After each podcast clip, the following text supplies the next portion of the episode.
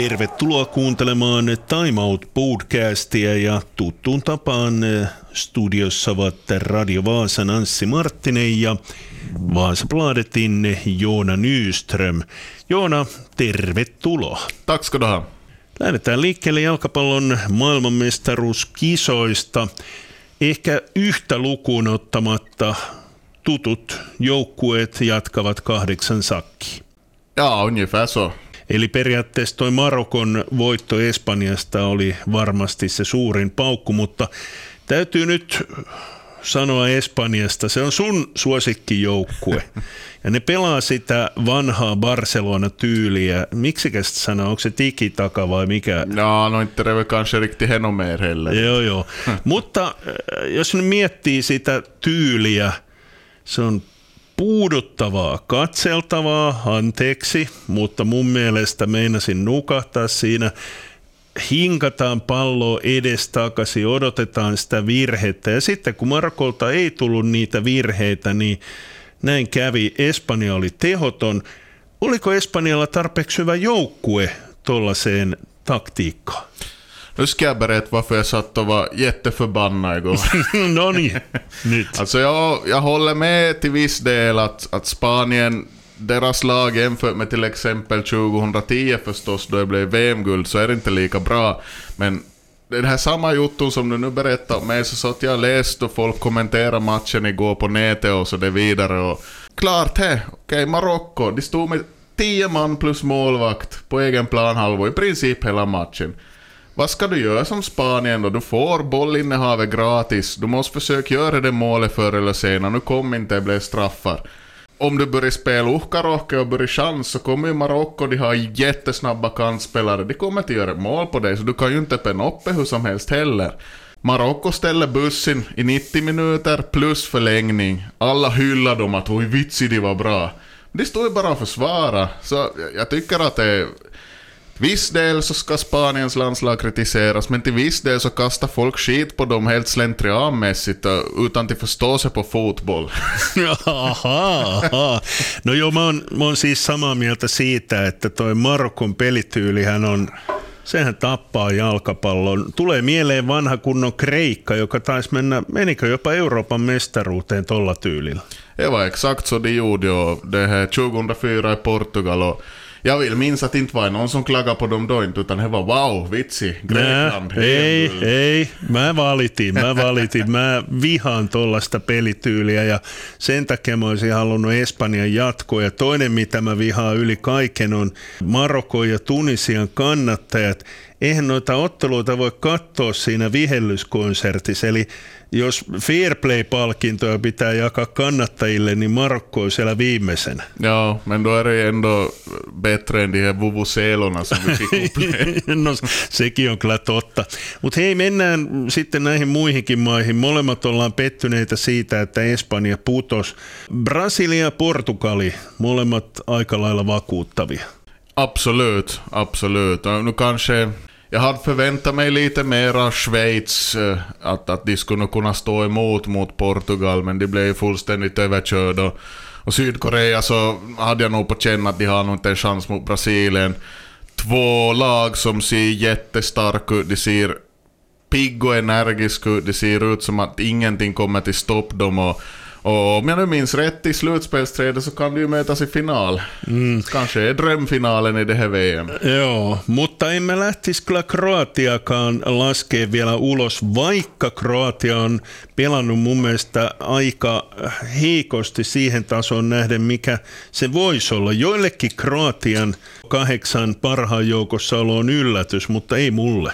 Inte det här att det har gått så, till det här skedet, det finns så pass mycket mästerskapsrutin i det här laget och, och, och skickliga spelare. Och framförallt då förstås Luka Modric där som styr upp spelet. Och Kroatiens problem är väl kanske snarast det att, att de har inte riktigt han det strikern som de kan luta sig mot. Och det var ju också Spaniens problem. De har inte heller haft han det strikern som de kan luta sig mot. 2010 hade David Villa som gjorde de här målen då det krävdes. Men jag tror att det kommer att bli Kroatiens fall också, att det finns inte, finns inte en tydlig och klar målskytt där som kommer att styra upp dem.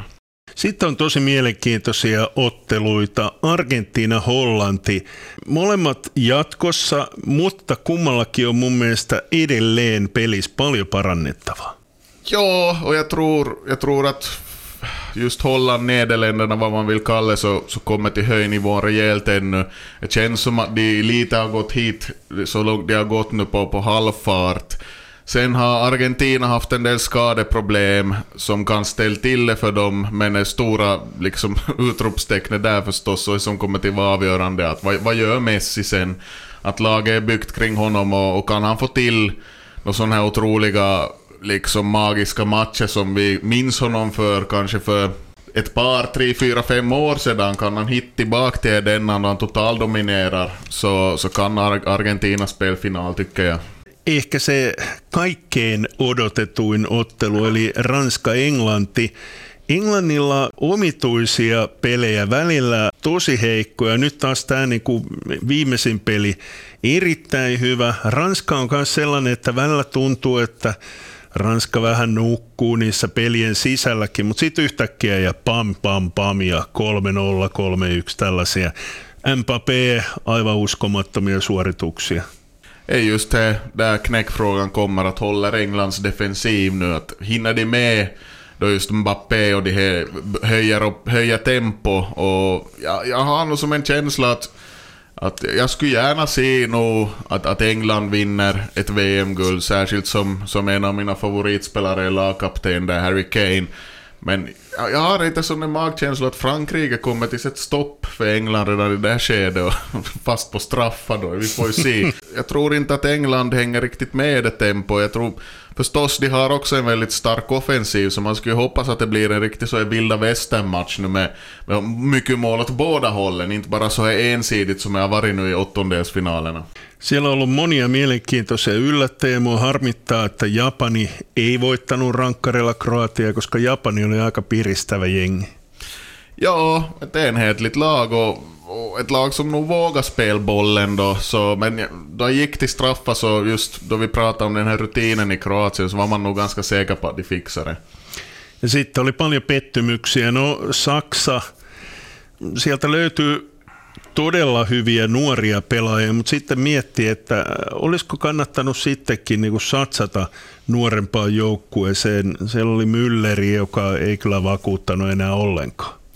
Nå, han lär ju inte spela VM något mer och samma sak gäller väl för Neuer i målet som kanske inte var helt klockren i den här turneringen. Och, och kanske att Tyskland också hade lite det problemet. De har ju haft otroligt bra målskyttar i de här VM-turneringarna. De har ju Klose som är VM, VMs bästa målskytt och vad de har haft, de har haft Podolski, de har haft Gomes under åren, men nu saknar de kanske just han den vassa spetsen igen. Sitten mielenkiintoisia pettymyksiä, jos ajatellaan Belgia ja Tanska. Tanskahan protestoi aika lailla niin kuin itse kisojakin. Mä mietin, että meniköhän niillä energia siihen protestointiin. Sitten oli Belgia, joka kapteenin suulla kertoi jo kesken kisoja, että no ei meillä nyt niin hyvä joukkue kuin neljä vuotta sitten. Ja, no Belgiens gyllene generation så, så börjar ju vara på höstsidan snart i karriären, så deras chans stora chans var väl Ryssland 2018 och det var ju ganska nära. Det blev, det blev ju semifinal där så ja... Sen med Danmark så som vi kanske sa redan i, i förveckan eller när det var så att Thomas Delaney skadade sig direkt i början av första matchen tror jag var väldigt stort påverkan för det för att han är en väldigt duktig mittfältare men samtidigt så han det glöden och, och entusiasmen som har funnits i Danmark nu efter efter allt som hänt på parken i EM och efter allt som har varit nya tränaren där, Julman, som har gjort det jättebra, så på något vis så saknades han den gniston över laget. Så de såg trött ut på något vis, så inte vet jag riktigt, kanske du, du är någonting på spåret. ja sitten meidän toivefinaali, mun toivefinaali on Brasilia-Ranska. Ja, jag går på det samma som jag sa, att Brasilien-Portugal skulle vara den drömfinalen, som det ser ut just nu. Sen skulle jag ju inte ha något problem med att, att Lionel Messi vinner VM-guld, men jag tror inte att Argentina räcker hela vägen. Time Out Podcast käynnissä studiossa Anssi Marttinen ja Joona Nyström. Puhuimme tuossa jalkapallon maailmanmestaruuskisoista. Seuraavaksi puhutaan sitten paikallisesta jalkapallosta. Niin kuin jo viikkoja sitten sanoimme, tai sinä sanoit, niin Jonas Vahtera ja Samba Sila Kupsin harjoituksissa, mutta ilmeisesti mitään sopimuksia ei ole vielä Kupsiin tehty. Nej, alltså det blev bekräftat att det är där, men var tydligt och klart att det är testspel som gäller där och verkar vara lite så en vecka för vecka upplägg att, att, de, att de har som inte något fastslått hur länge de ska vara där eller så vidare. Så om man tänker på fin den finländska fotbollssäsongen så är vi ju ett jätte, jättetidigt skede förstås så att det, finns kanske inte ens något behov för ett lag som Kups, en klubb som Kups, till ta något beslut just nu. Att de kan i lugn och ro då se de här spelarna och, och låt, dem, låt dem vara där och, och bekanta sig med dem ordentligt, vilket ju är ett jättebra sätt tycker jag till scoutspelare att på riktigt ha tålamod och, och se, se en, under en längre process att vad är det för typ av spelare och, och kommer de här spelaren till, bidra med någonting just i vårt lag. Men förstås skulle det vara en jättestor förlust för VPS om de här två försvinner. Vi, vi skrev ju häromdagen om Oskari Forsman. Joo, senhän te kerroitte, että hän on lähdössä ulkomaille. Onko sulla jo tiedossa mihin? Nej, det har lyckats inte luska ut. Att han, har, han har uttalat sig i det här Satakunnan Kansa för han befinner sig tydligen i Björneborg just nu och tränar med FC Jazz. Men han har tydligen redan skrivit på ett kontrakt i utlandet och, och där ser man att gör, gör man en bra höst i, i Vasa VPS och ett par gamesavers så kan det räcka ända utomlands. Att, känns som att just de, de här som har värvan, har, har sitt lite på Hedennar, vilka typer av stora räddningar han kan göra, de har sitt på hans rutin mycket ligamatcher han har spelat, att det ligger där till grund och, och själv verkar han ju vara väldigt, väldigt ivrig på till stick iväg. Så nu får vi se då att no, några spekulationer tyckte jag så om Polen och han sa själv att det blir någonstans söderut men å andra sidan så inte far man väl norrut från Finland och spelar i utlandet. Vart hamnar man då på Svalbard? Islanti. Ja, no, joo, förstås. Det skulle inte vara så illa. Me puhuttiin muutamia viikkoja sitten siitä, että miksi ihmeessä Lee Irvin on tehnyt sopimuksen Libanoniin. Mutta pikkuhiljaa alkaa ymmärtää, kun nyt ollut puhetta, että Cristiano Ronaldo – Siirtyisikö hän Saudi-Arabia vai mikä se liiga oli, mihin on nyt ollut puhetta? Det var ju Saudiarabien, jag tror klubben hette någonting i stil med Al Nasser eller något sånt. Den mm. treårskontrakt och han skulle bli bäst betald i världen ungefär nu. Står det väl inte klart om han faktiskt har skrivit på, men det kanske också påvisar att Ja, vad vill han lämna för arv för sin karriär om man tänker på vad Saudiarabien, vilken typ av nation är och och, och så det vidare. Så att vi får se. Jag kan tänka mig att till exempel om Portugal nu skulle råka vinna det här VM så kan det hända att Cristiano Ronaldo mitt i allt meddelar nej, får räck nu. Mm, saattaa olla jopa niinkin. Rahaa varmasti riittää ihan tarpeeksi, mutta tuntuu, että sitä kunnianhimoa kuitenkin on edelleen. Men då får man väl inte Saudi-Arabien? No ei, silloin mennään vaan rahan takia. mutta tota, olisiko meillä muuta jalkapallosta? Onko naisten puolella mitään uutta? Ei hirveämmin. Noin, no mer än att vi vet att de här träna nu, så att de, de är igång med sin försäsong också här före julen redan. Så det, det tar väl nog ännu tills säsongen börjar närma sig för vi börjar se exakt vilka konstellationer vi har. Så att vi får se. Sitten Vaasan sporttiin. Loistava viikko takana. Aivan uskomattomat voitot sekä Sistä että HFKsta. Tämä on ihmeellistä vuoristorataa, niin kuin ollaan puhuttu, mutta toki siinä yhdellä viikolla oli ongelmana Saipa-pelissä se, että Holmström taklattiin ulos pelistä ja ehkä sillä lailla taklattiin myöskin Sport pois pisteistä. Så var nog där och, och det känns lite mirakulöst att Axel Holmström faktiskt klarar sig undan utan något större än så denna. han hade någon blåtir men han kunde spela redan mot Asset i, i följande match.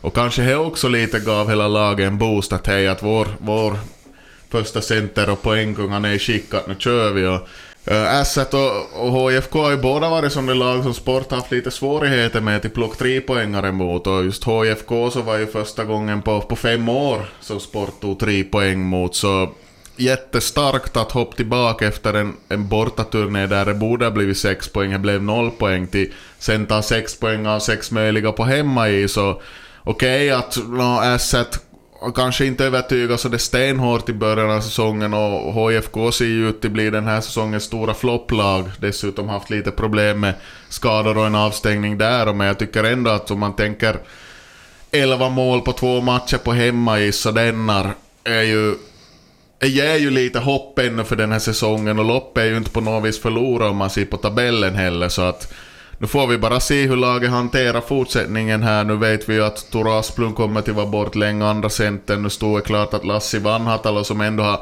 emellanåt blixtrat till och visat att det kan bli någonting av den säsongen. Han är bort länge. Uh, men lyckligtvis så, så om jag minns rätt nu så kommer ju Emil Johansson till få spela i alla fall på fredag då Sport spelar hemma mot KK. Att han har en match kvar på sin avstängning om inte jag missminner mig helt. Joo, mä kattelin tässä tätä pistepörssiä. Taitaa olla niin, että itse asiassa Lassi Vanhatalo taitaa suomalaista pelaajista olla paras sportin pistepörssissä.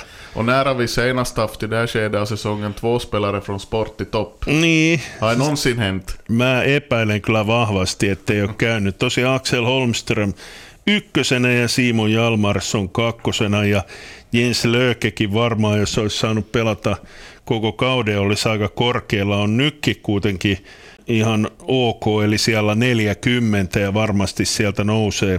Taisi olla siinä ennen kauden alkua, kun Risto Duffakin sanoi, että ykkösnyrkki on tosi tärkeä. Ja, ja, och jag har sett nu att det kommer ju att bli ännu bättre nu också då Johansson kommer tillbaka den här första femman är, är hel igen. Så får vi se sedan då hur långt det bär och, och ryktessvängen så säger ju att det ska bli kontrakt med ännu fler svenskar hörde jag häromdagen att, att vi får se då. Mm. Sen muuten taisit käydäkin tuolla rapakon toisella puolella, ei nyt ihan Yhdysvalloissa asti, mutta tuon merenkurkun rapakon toisella puolella. Ja, jag var över här i förra veckan och såg Norrlands derby SHL, alltså Skellefteå mot Luleå. Och mitt Skellefteå så vann på straffar till slut där de hade en var en 18-årig målvakt som debuterade, det var fullsatt hall och han fick bli hjälte där sedan i straffläggningen. Så det var en, det var en fin upplevelse. Onko muuten katsellut yhtään noita sportin yleisömääriä? Nyt kun peli kulkee, toivottavasti ne yleisökin löytäisi paikan päälle. Ja, no, no, det var ju över 3000 nu på, på lördagen officiella siffran och det var bra drag i hallen där. Att, att på, på det viset så ser det ju bra ut där också.